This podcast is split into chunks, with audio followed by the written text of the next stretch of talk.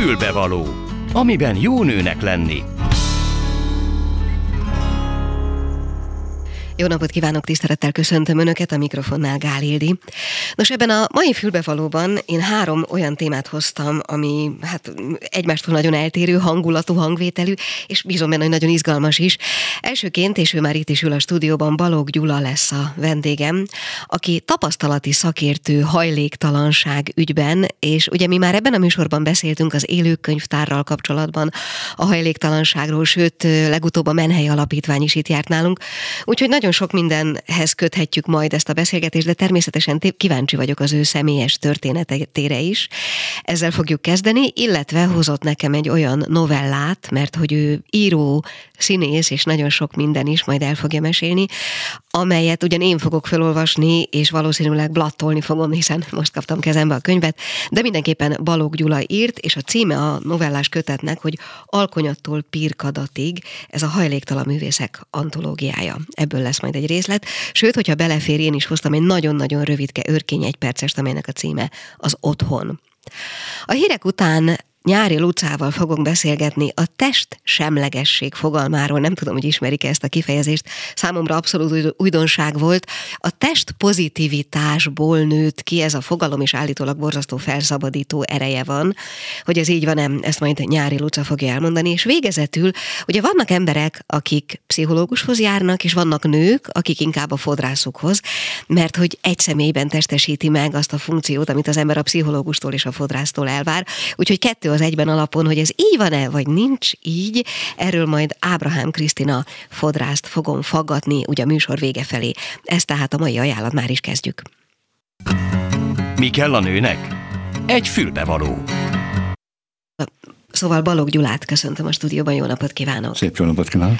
No hát, amikor ma először beszélgettünk, akkor valószínűleg én ébresztettem föl reggel kilenckor, és akkor nem örült nekem túlzottan, de most már jobban van, ugye? Az ember nem szokott annak örülni, amikor fölébresztik, sőt azt mondta, amikor később beszéltünk, hogy már tornázott is. Igen, sajnos háromkor szoktam lefeküdni, és olyan tíz körül kelni. Ez most az Bocsánat, nem tudhattam, de elnézést. Uh-huh. Nem mindenki tudja. Természetesen. No hát arról gondoltam, hogy egy picit beszélgessünk, amit már itt az előzményekben próbáltam fölvázolni. Volt szó már ebben a műsorban az élőkönyvtárról, amikor ugye olyan emberekkel lehet beszélgetni személyesen, akik számunkra újdonságot tudnak mondani, akár hajléktalanság, akár szexuális másság, akár tulajdonképpen bármiféle hát különlegesség tekintetében ön ennek egyik vezérembere, ön az egyik hát élő könyv, akit faggatni lehet iskolásoknak, középiskolásoknak, és most nekem is. Nagyon szépen kérem, hogy nyilván nagyon sokan ismerik már, hiszen valóságos celebbé vált, hogy úgy mondjam, ebben a viszonylatban, hogy egy kicsit mesélj el nekünk röviden, ha lehet a saját történetét, aztán hadd kérdezzek még. Jó, hát én Budapest külvárosában születtem egy munkás családban, nagyon szegények voltunk, kilencen laktunk egy szobakonyhában, csecsemőkoromban, majd utána három és fél, négy évig még szobákat béreltünk a szüleimmel, akkor már hármasba, és Hát ekkor ennek a, a szobabérletnek a végén ö, jelenik meg a fagylat helyett sörhab, ami majd föl lesz olvasva és utána kaptunk egy lakást, de én a nagymamámmal egy szobába kerültem, aki már akkor szenilis volt, úgyhogy idegileg gyenge voltam, és ugyan a gyermekként nagyon kíváncsi voltam a világra, úgyhogy négy éves koromban már olvasni, számolni, írni elkezdtem, és mire iskolába kerültem, addigra már egy nap alatt az egri csillagokat is elolvastam a teljes hadsereg listájával, tehát nagyon kíváncsi voltam a világra, de sajnos másodikos koromban megvakultam egy agyvelő gyulladástól, amiben akkoriban illet meghalni. Bocsánat, én erről olvastam egy picit az ön történetéről, és azt olvastam, hogy ebben közreműködött egy atyai pofon is? Ebben a megvakulásban? Vagy valamit félreértettem? Nem, nem, nem, nem, nem. Bocsánat. Hát az, hogy mind a nagyanyám, és köztem, mint pedig apám bántalmazó hirtelen fegyelmezése az én idegrendszeremet gyengítette meg, amúgy is úgy születtem, mert már három éves korom óta kaptam injekciókat, az idegrendszeri problémáimra, tehát például mínusz 10 fokba le tudok izzadni, ha valami nem úgy történik, ahogy akarom. Uh-huh és egy vírusos influenza okozta ezt az agyvelőgyulladást, ami a látó idegeimre ment, azért se tudnám elolvasni azt a két oldalt normálisan már, de gyerekkoromban még jól olvastam. De minden esetre svájci vöröskeres segítségével meggyógyultam, rajtam próbáltak ki Európába a prednisonol kúrát gyerekként, és bevált. Nem lettem se nagyon hülye, még látni is látok, és hát ugye egyáltalán életben maradtam, de innentől kezdve nagyon közepes tanuló lettem, ha bár 80-ban matek földrajzversenyt megnyertem az iskolába, azon filóztak a tanárok, melyikre menjek tovább,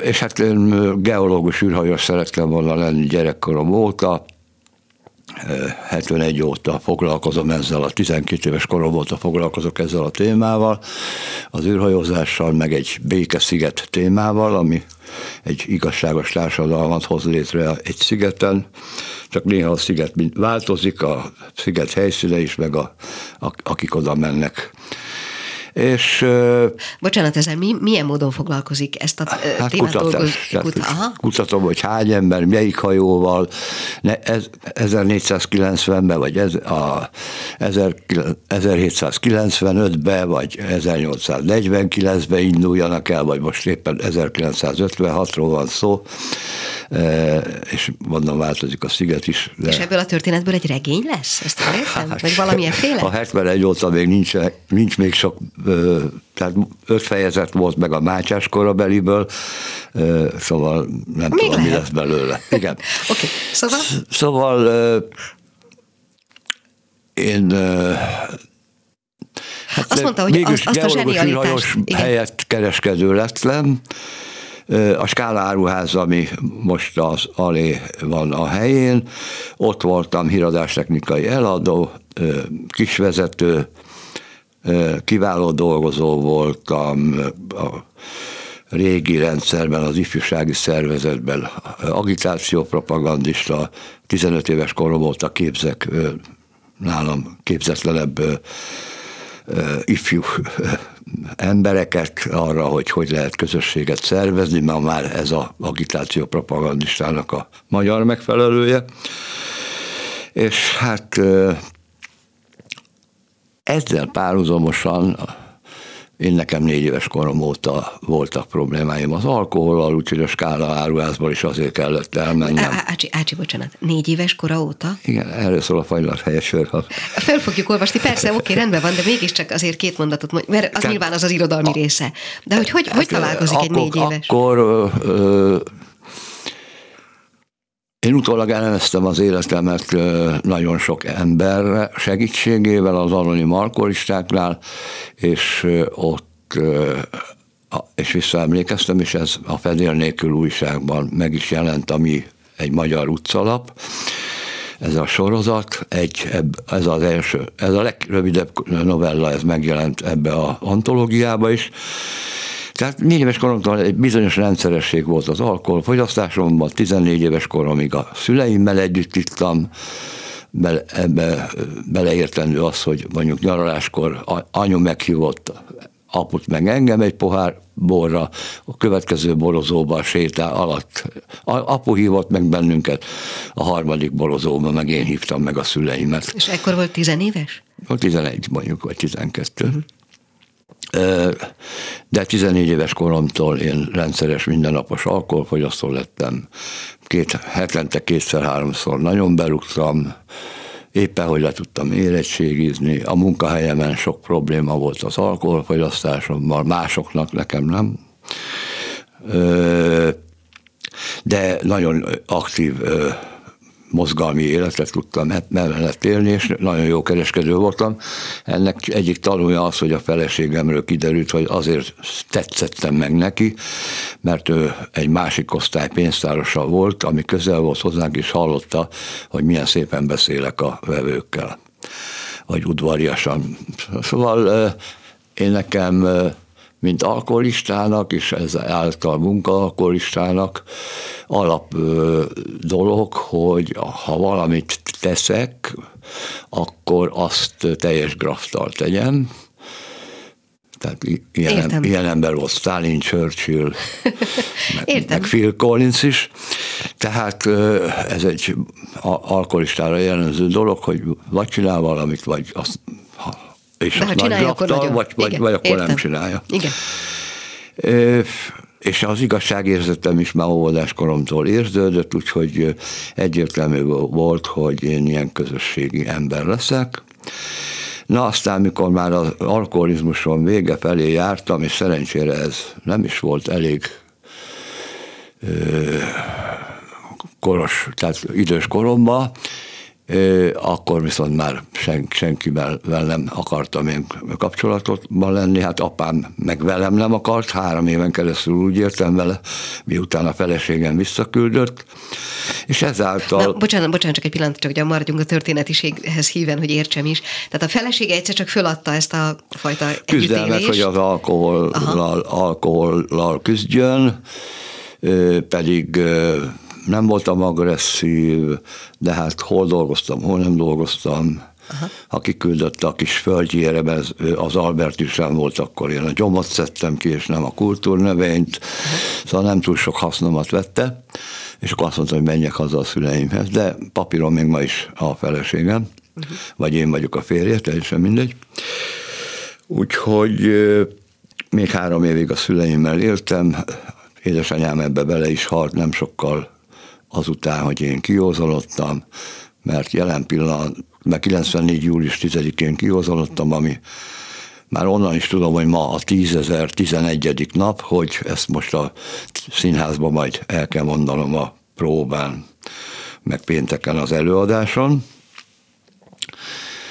és hát különben is számisztikus vagyok, úgyhogy Na, ez jó, fontos. é, akkor bocsánat, hogy most félbeszakítom. Azt érzem nyilván, hogy ez egy nagyon sokszor elmesélt történet. Érzem a szavaiból, meg abból, ahogy, amilyen gördülékenyen meséli, hogy ez már, ez már nagyon sokszor elhangzott az ön szájából.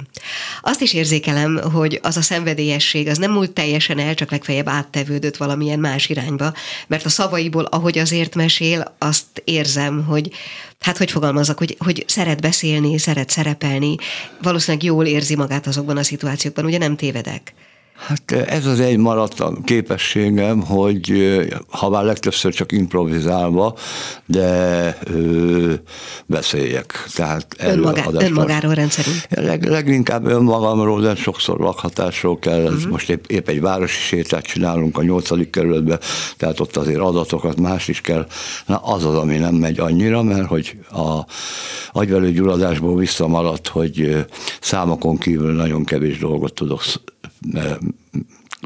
megjegyezni, főleg idegen szavakkal van problémám, vagy kevésbé használt szókkal, mondjuk egy szívességi lakhatás, vagy ehhez hasonló, tehát amit nem sűrű használ az ember, mert hogy a látó idegeim mellett a memóriámra is ráment a, a jó. Mindenről beszéltünk alkoholról és egy életútról nagyjából, de a hajléktalanságról vagy annak a részéről nem még. Hát én miután sikerült 91. július 10-én letenni az alkoholt, vagyis elengedni, onnantól kezdve én hajléktalanná váltam.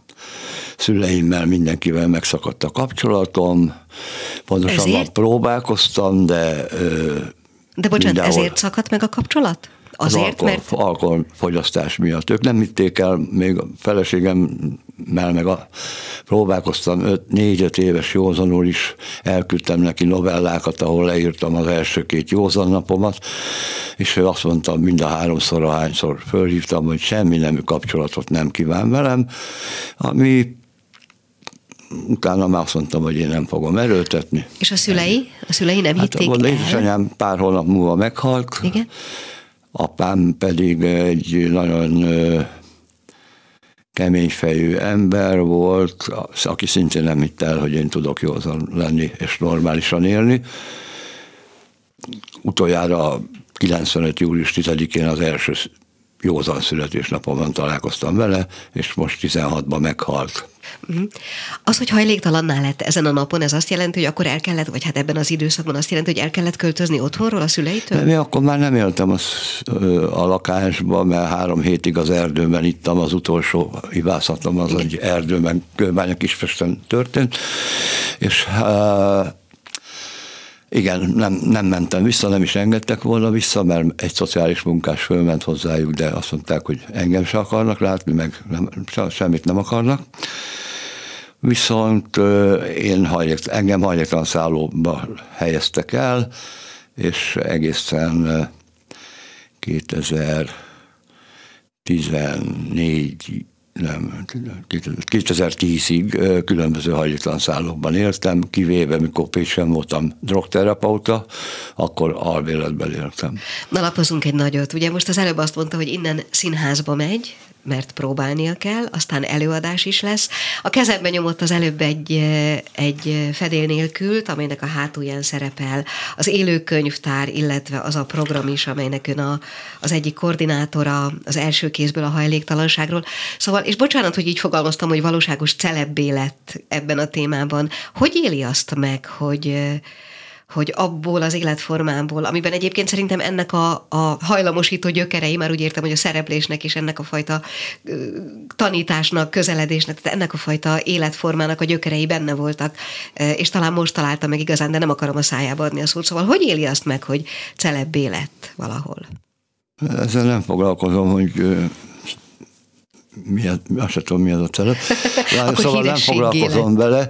Én amikor kihozalottam, két életcélom volt, akkor már meg tudtam fogalmazni, mikor kihozalottam, egy, ez körülbelül egy másfél év volt, mármint kiment belőlem az alkohol, és azt mondtam, hogy nekem igazán két életcél volt, amikor kihozalottam. Az egyik, hogy ma ne igyak, és ugye ez minden nap tudom, hogy hány napja nem történt meg, a másik, hogy a környezetemnek hasznos legyek. Mm. Az imámba is a végén az van, hogy tapasztalataim átadása, mint ahogy ez az anonim alkoholistáknak egy nagyon fontos lépése. Én az elején több év több éven keresztül minden nap három-négy gyűlésre is jártam az anonim alkoholistákhoz, és nem érdekelt a hajléktalan státuszom, hanem megint csak az érdekelt, hogy az A közösség jobban fejlődjön. Ott is nagyon aktív voltam, képzelni el, hogy még fordító bizottsági tag is voltam, ugye hát az A-ba csak angolul, angolul kell fordítani általában, holott nem tudok angolul 20 szónál többet, de szervezni, koordinálni azt tudok. És hát ezután volt az, hogy elkezdtem terjeszteni a fedél nélkült, mert a munkáimat mind egészségügyi okok miatt elveszettem. A fedél nélkül terjesztésénél ö, jött egy tanár, aki meghívott az osztályába, meghívott önmagához is, a, a feleségével vacsorázni, aztán jött a egyik gyerek, másik, egészen öt gyerekig, hogy és minden szenteste nála voltam. És együtt ünnepeltük a szentestét, uh-huh. és mhm. hát ebből alakult ki az első kézből a hajléktalanságról előadás, ami egy másfél órás előadás szituációs játékokkal, sztorikkal és információ átadással, valamint vétellel a hallgatók részéről, hogy ők mit tapasztaltak meg a hajléktalan emberek szempontjából. Mellé lépett városi séta, mellé lépett az élőkönyvtár, közösségi vacsora, így lesz egy, ez lett az LKH csomag. Ennek én vagyok a koordinátora most már 12 éve, ezen kívül ugyanúgy 2009-ben elkezdtem a város mindenkiében lakhatási aktivista lenni, társadalom tudós fiatalok és hajléktalan emberek közös aktivista munkát végeztek. Tárgyaltam bocsánat. polgármesterekkel, igen, bocsánat, ahol ön most tart, és csak azért csürgetem, mert szeretném elolvasni a novellát is, abban mennyi része volt önmagának, és mennyi volt ebben a segítőinek? Hát az én részem annyi, hogy a lehetőségeket észrevettem, és meg, megcsináltam azt, amit kell, Igazán a segítők, hát én választottam ki mindig azt, az hogy ki segítsen nekem. Majdnem. Hát most, mostani segítőim között vannak, akiket nem választottam, de szóval ez egy olyan érdekes program, hogy, a, a, hogy itt, itt nem a szociális munkások találtak ki valamit, és, csinál, és beleraknak egy-két hajléktalan bábnak, hanem mintha egy hajléktalan ember talált ki valamit, a hajléktalan ember koordinálja, ő mondja meg, hogy mikor megy szociális munkás, vagy mikor nem. Tehát ez egy alul, igazán alulról kezdeményezett program, és, Igazából arra gondoltam, hogy mennyire kell ahhoz az a, az a fajta jellem, mint ami az öné, tehát az a fajta felépítés, hogy ön, nem vagyok benne biztos, hogy ezzel nagyon sokan így vannak. Hát egy, én született szervező vagyok, tehát így, így születtem már óvodában is ezt csináltam. A, az alap jó képességeket, ha egy józanodó alkoholista ö, megtalálja, akkor azt használnia kell a közösség körülötte lévők hasznára. Akkor bocsánat, legyen ez a végszó, és hadd olvassam fel a novellát, mert egyébként nem fogunk beleférni a hírekig. Jó? Lehet? Fagylalt helyett sörhab. Több mint egy éve apám vállalatának óvodájába hordtak a szüleim még szombaton is. Hajnali ötkor keltettek, hogy beérjenek dolgozni. A tíz megállónyi buszutat végig aludtam, de az átöltözésnél már újra friss lettem. Szombatonként voltunk a legrövidebb ideig az óvodában. Ebéd után nem is kellett lefeküdnünk, mint a többi napon, mert már szállingoztak is a szülők, hogy hazavigyenek bennünket. Ezen a szombaton az apám jött értem. Gyorsan átöltöztem, és átsétáltunk a vállalat klubházába, ahol anyámmal találkoztunk. Nagy ritkán meghívták apámat a kollégái egy üveg sörre, de legtöbbször egyszerre érkeztünk édesanyámmal, mint most is. Szüleim siettek haza a Pestlőrinci albérleti szobácskába, mert a rövid hétvége minden háztartási munkája a szombat délutánra maradt. A vasárnap ugyanis a kikapcsolódásra lett betervezve. A szüleim nem szerettek az albérleti szobában egy egész napot eltölteni, mert nem kedvelték a főbérlőt és annak nem túlságosan épelmélyű leányát. Strandra, uszodába, múzeumba vagy kirándulni mentünk szinte minden vasárnap. A szobába visszatérve römizni tanítottak, míg a főbérlő be nem kiáltott, hogy ne égessük sokáig a villanyt, mert sok lesz a számla, és akkor emelnie kell majd a bérleti díjat. A hétvégi szerény bevásárlást édesanyám már útközben elintézte, így egyenesen a busz megállóhoz siettünk. Nagyon imádtam buszon utazni, mert ilyenkor sokszor feltehettem a kedvenc kérdésemet, mi ez apu? Ezen felül sok érdekes emberrel ismerkedhettem meg. Amikor nem volt ülőhely, képes voltam vadidegen nénik vagy bácsikölében utazni. Ilyenkor őket is elhalmoztam fontos kérdéseimmel. Abszolút nem féltem az emberektől, ezért a szüleim sokszor figyelmeztettek, hogy ha egyedül vagyok, el ne fogadjak idegentől cukorkát vagy csokit, és nehogy elmenjek bárkivel, akármilyen szépen is hív. Koranyári melegben utaztunk a zsúfolt járművön, így mindhárman megszomjaztunk. Apám egy fagy, fagylalt ígéretével próbálta megnyugtatni a szomjas családot, megkönnyebbülten szálltunk le a tömött buszról a végállomáson, amelyet szarvascsárdának neveztek. Sokszor feltettem a szüleimnek a kérdést, hogy miért éppen ez a neve, hiszen egy szarvast sem lehet itt látni. Apám ilyenkor türelmesen elmagyarázta, hogy régen szarvasokra és más vadakra is vadáztak errefelé a királyok, és a csárda ennek a nevét őrzi. Három éve laktunk a közeli albérleti szobában, de csak ritkán fagylaltoztunk a szarvascsárda melletti fagyizóban.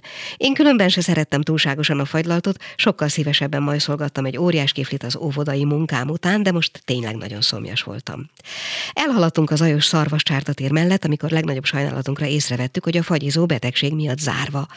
Mindhárman búsan néztük a feliratot, ha bár én csak a betűket ismertem fel egyenként, összeolvasni még nem tudtam őket. A lehúzott redőny látványa megnövelte szomjúság érzetemet, és már majdnem elpigyeredtem, amikor apám egy jó ötlettel állt elő. Nincs semmi baj, én nem hagyom a családomat szomjan halni. Bemegyünk a szarvascsárdába, megnézzük a régi vadászokat, és áldomást iszunk velük a sikeres vadászat örömére. Bár már egy szarvas sem él a környéken, de ne félj, fiam, bambit még lehet kapni. Az ötlet mindannyiunknak tetszett, így egyszerre sarkon fordultunk, és alig tíz másodperc múlva ott álltunk a kocsmában.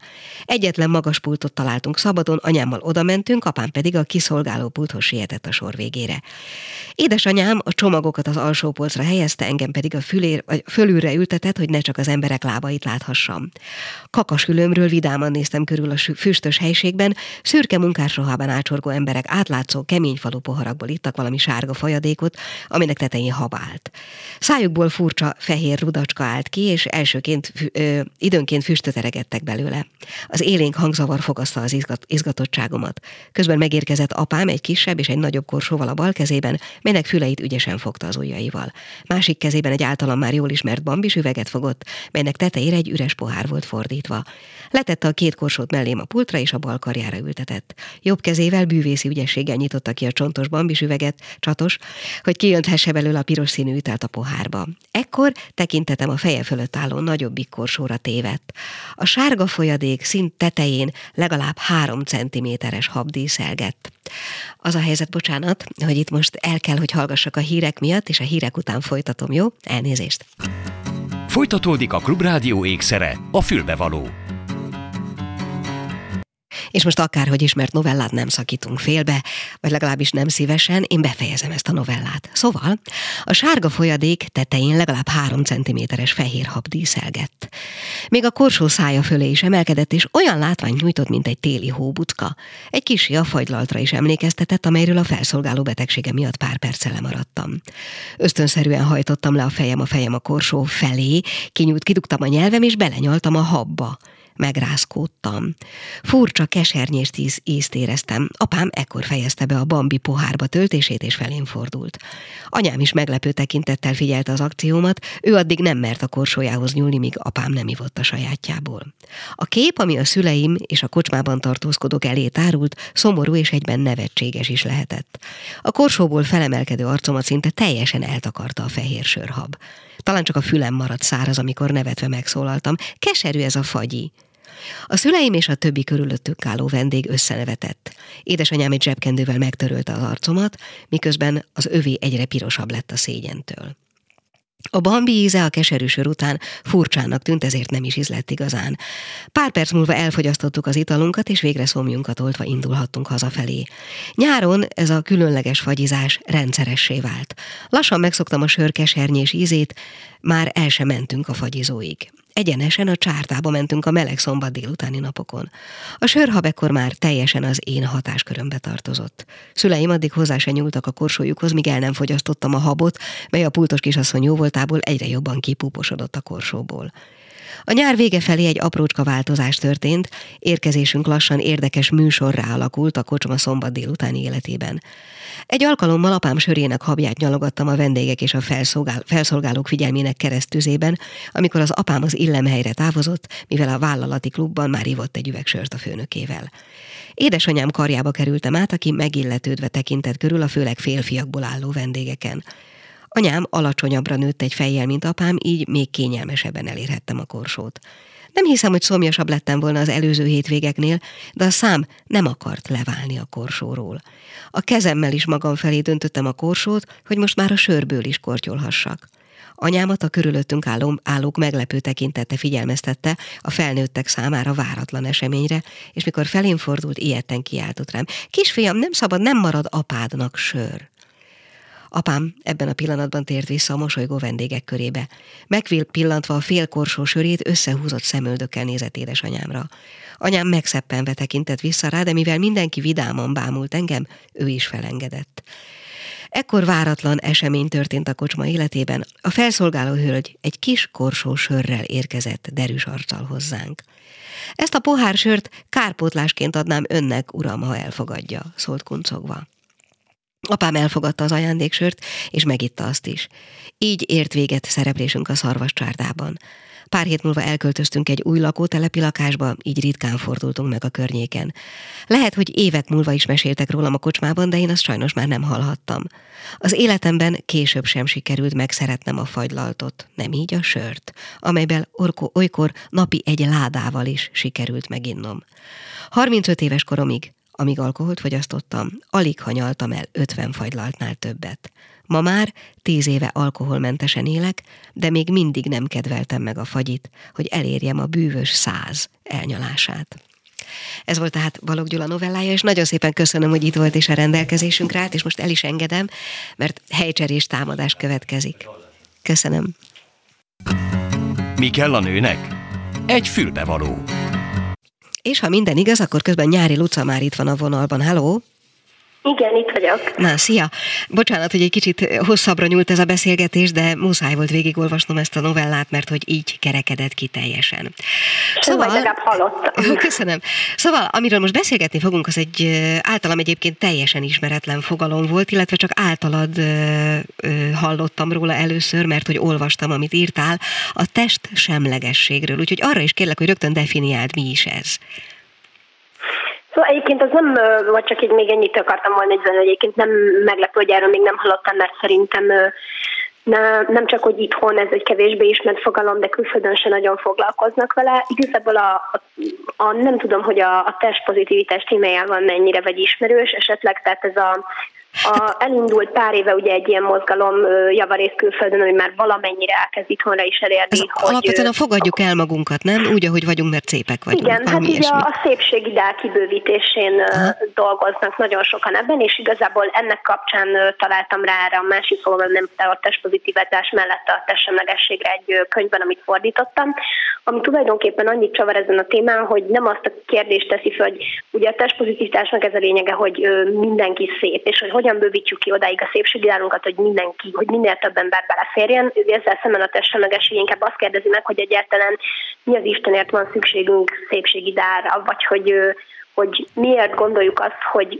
még mindig, hogy miért kötjük a szépséget értékhez igazából. És nem tudom, ez, ez Hát ugye azért ez egy több, több évszázados, ha nem évezredes történet, ugye? Csak mondom. Persze.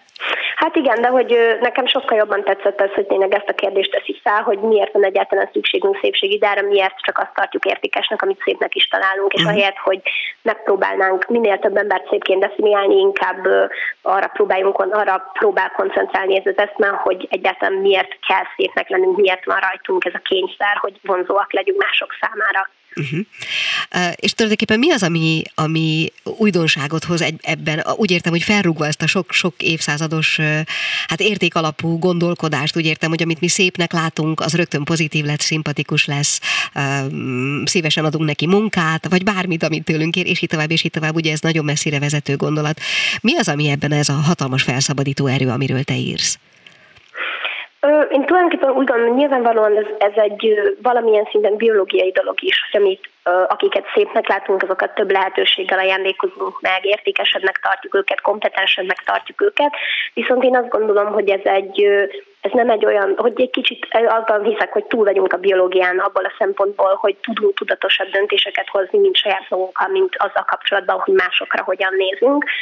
És nekem ez tulajdonképpen ezért fontos, mert én mindig a, saját, valahogy nekem soha nem volt fontos az, hogy emberek hogyan néznek ki. 13 éves korom körül azért kezdett el nekem ez fontos lenni, mert azt az üzenetet kaptam a környezetemből, hogy engem ennek érdekelnie kellene. És bár én soha nem ez alapján értékeltem embereket, megtanultam, hogy de mások ez alapján fognak értékelni engem, és lehet, hogy nekem is ezt kéne csinálnom. Egy pillanat, bocsánat, mondani, csak, bocsánat, csak hadd fordítsam le magamnak, tehát ez azt jelenti, hogy te, neked ezzel foglalkoznod kéne, hogy kaptál esetleg olyan negatív visszajelzést, amit soha korábban mondjuk egy köz közösségbe való kerülés alkalmával?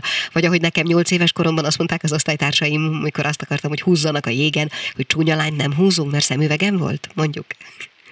Igen, egyébként. Hát nálunk inkább az, hogy belekerültem, akkor hétosztályos gimnáziumba jártam egy olyan közösségbe, hogy én addig nagyon ilyen gyerekfejjel gondolkodtam, és nem igazán érdekelt, hogy hogy nézek ki, vagy más embereket sem, ott viszont hirtelen egy olyan környezetbe kerültem, ahol, ahol mindenki szexi felnőtt akart lenni gyerek helyett, és, és akkor jöttem rá, hogy valamilyen szinten ez, ez számít, hogy engem lehet, hogy nem érdekel, hogy hogy vagyok felöltözve, és csak önkifejezésre használom, nem megnyerni akarok ezzel embereket, de mások viszont erre használják, és hogyha érvényesülni akarok közöttünk, akkor nekem is ezt kell csinálnom. Uh-huh.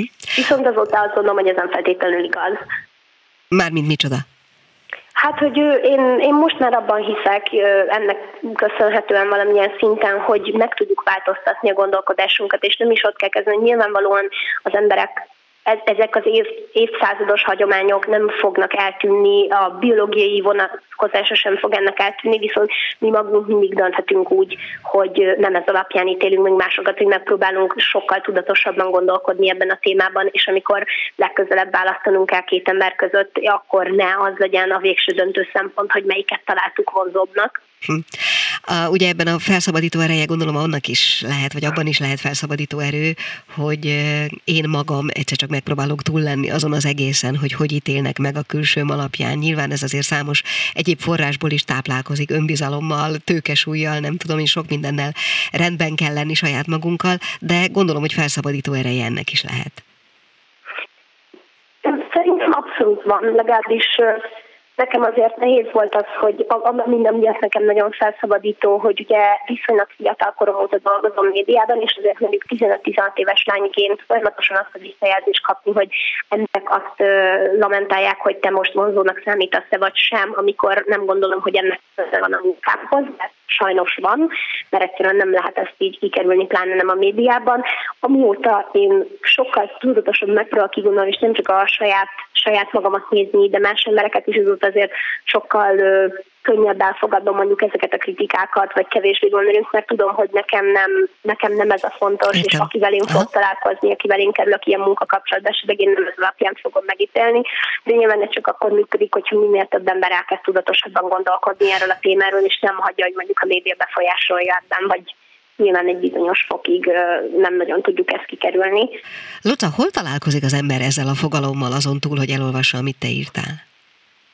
Egyébként sajnos azt kell mondjam, hogy itthon nem tudom, de ezt a könyvet, amit mondjuk ifjúsági könyv, de felnőtteknek is nagyon ajánlom az a cím, hogy nézz a szemembe, és ebben egyébként nincsen konkrétan kimondva ez a, ez a fogalom, viszont ez az üzenete az egész könyvnek, hogy nem az a, egy egy a testképzavarral és a saját magával elégedetlenséggel küzdő 15 éves lányról szól, és én nekem ez volt az első találkozásom ugye ezzel a gondolatmenettel, hogy nagyon meg is lepett, hogy a könyvnek nem az lett a konklúziója, hogy te így is szép vagy, hanem, hanem az, hogy tulajdonképpen ki a fenét érdekel, hogy szép vagy vagy sem, vagy hogy nem kéne, hogy az érdekelje az embereket, és te mindig dönthetsz úgy, hogy ezzel szembe mész de én egyébként javarészt azért külföldi médiában tájékozódom ilyenekről. Én nagyon sok különböző nőjogi feminista irodalmat olvasok, újságokat, és azért valamennyire elindulnak ezek, és eljutnak az embereket, hogyha keresik, de, de itthon nem nagyon találtam még ezzel kapcsolatban tartalmat, pont azért is írtam róla cikket, mert tök furcsának találtam, hogy erről itthon még így nem beszélünk.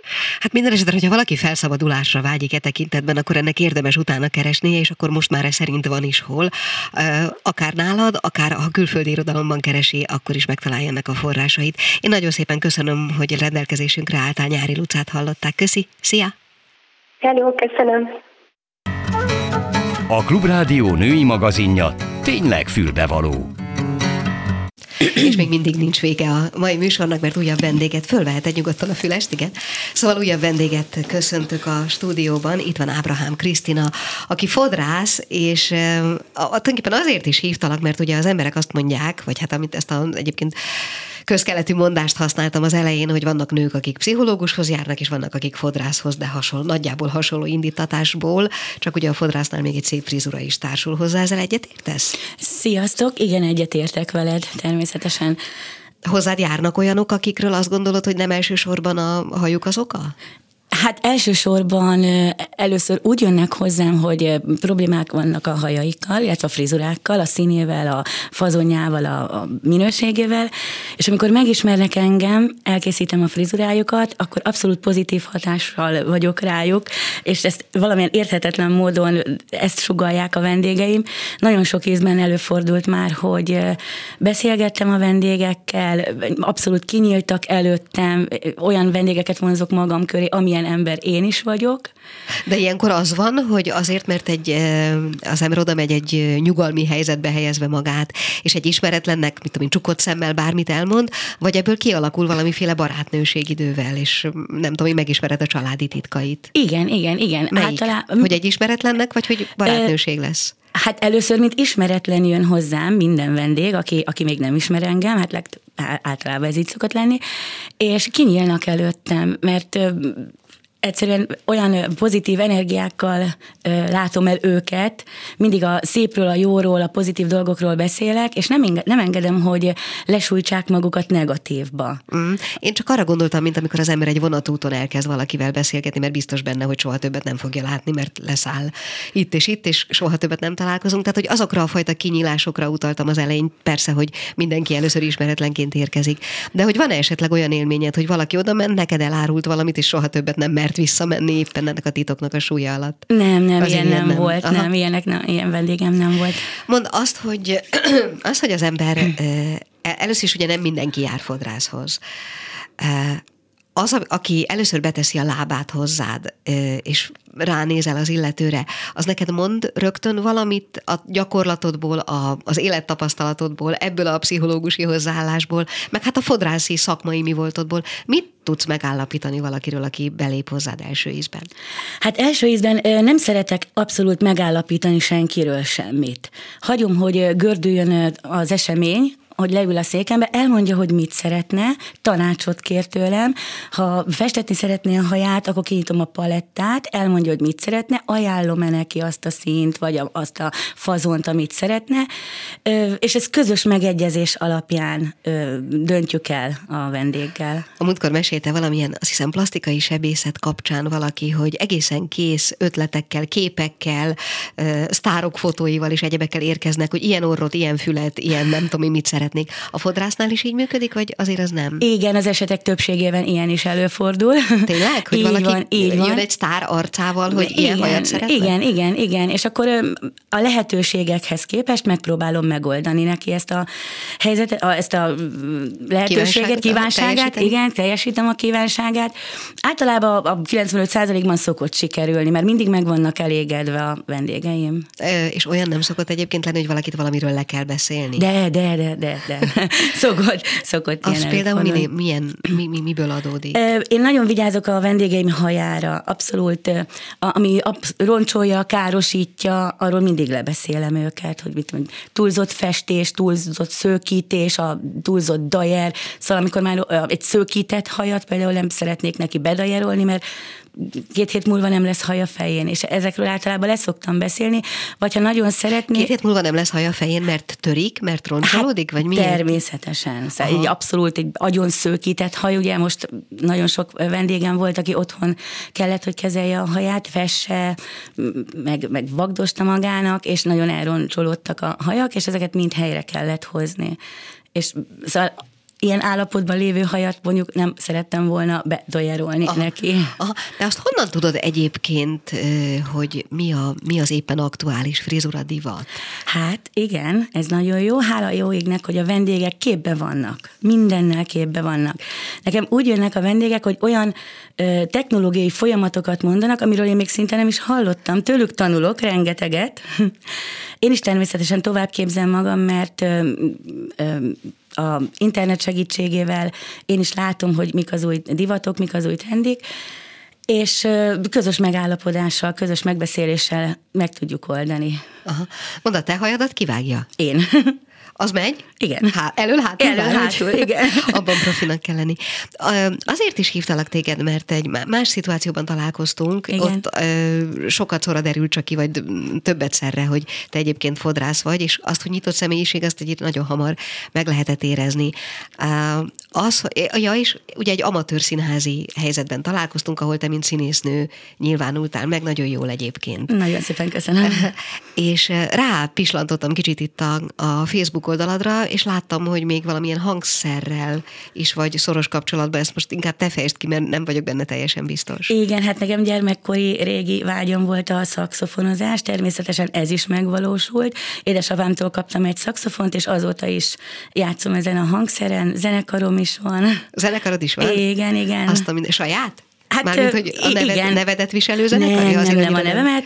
Magamra tetováltattam, Folk Stage néven futunk. igen, hát ez egy ilyen népdalokat dolgozunk fel pop, rock és jazz stílusban. Ó, és fellépéseitek is vannak? Vannak, igen, a vannak. Mindenik. Na jó, még egy pillanatra térjünk vissza a fodrász mi voltodra, jó?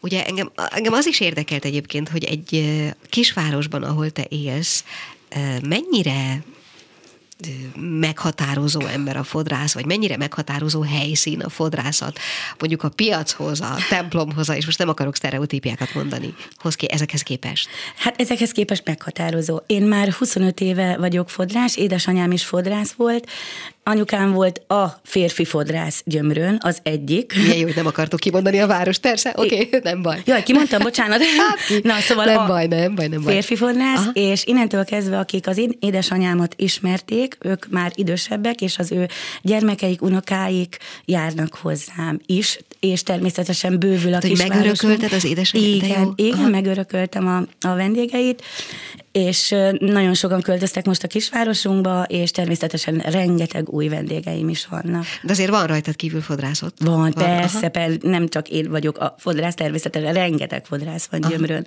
Az ember építi a, a brendjét, a, a nem tudom, a kuncsafjainak a körét, a személyes kapcsolatait, és így tovább. Tehát adják az embert még kézről kézre? Igen, működik ez igen, még? igen, igen, így működik, abszolút így működik. Nagyon kevés az utcáról bejövő ember, aki egyszer felveszi velem a kapcsolatot, vendég, eljön hozzám, a telefonszámom megvan, és rendszeresen telefonálnak, és volt olyan, hogy volt nálam a szomszédasszonya, és szeretne Aha. ő is jönni, és Aha. akkor ez így... így, hát nyilván akkor itt ezzel visszakanyarodtunk egy kicsit a beszélgetés elejére, gondolom, Igen. hogy ennek köze van ahhoz, hogy egyébként mennyire nyílnak meg, vagy mennyire adsz te pozitív energiákat. Igen. Amikor kislány voltál, és még szakszofonozni akartál, és nem tudom, én gondolom színésznő akartál lenni, Persze, meg ilyesmi. Hát igen. Igen. akkor mennyire volt benne a fodrásság a, a tervekben? Semennyire nem volt benne, teljesen véletlenül lettem fodrász.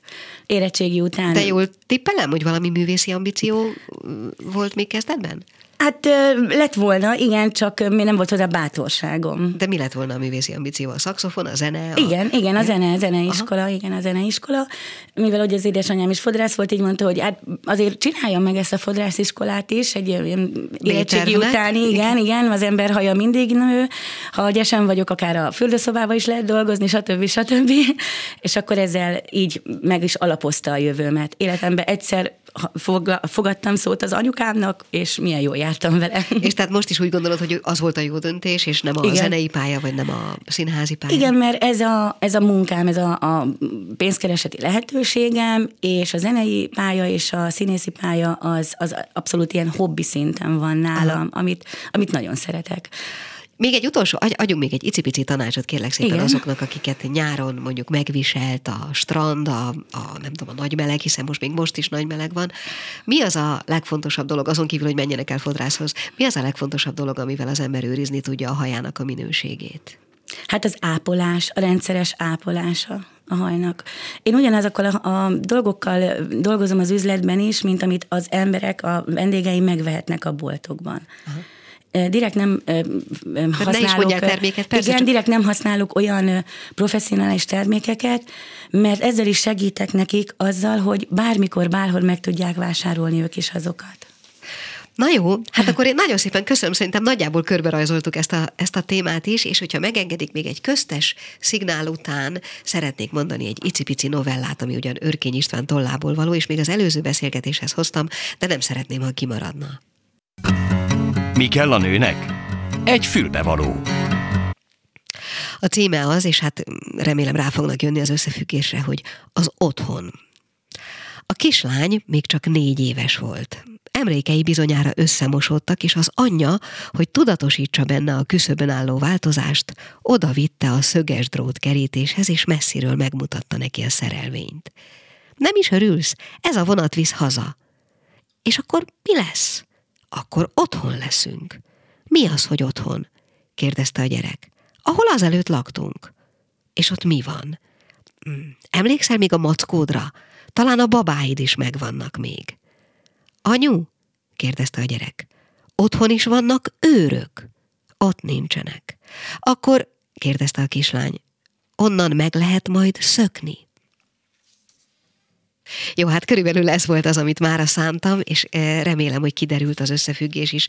Az egész mai műsorban így vagy úgy volt valamiféle szervezőerő, úgyhogy el is mondom gyorsan, hogy mi mindent hallottak ma. Az első órában Balog Gyula tapasztalati szakértővel beszélgettünk a hajléktalanságról, az alkoholizmusról, sőt, tulajdonképpen önnön szenvedélyességéről, ami aztán végül egy novella felolvasásában csúcsosodott ki.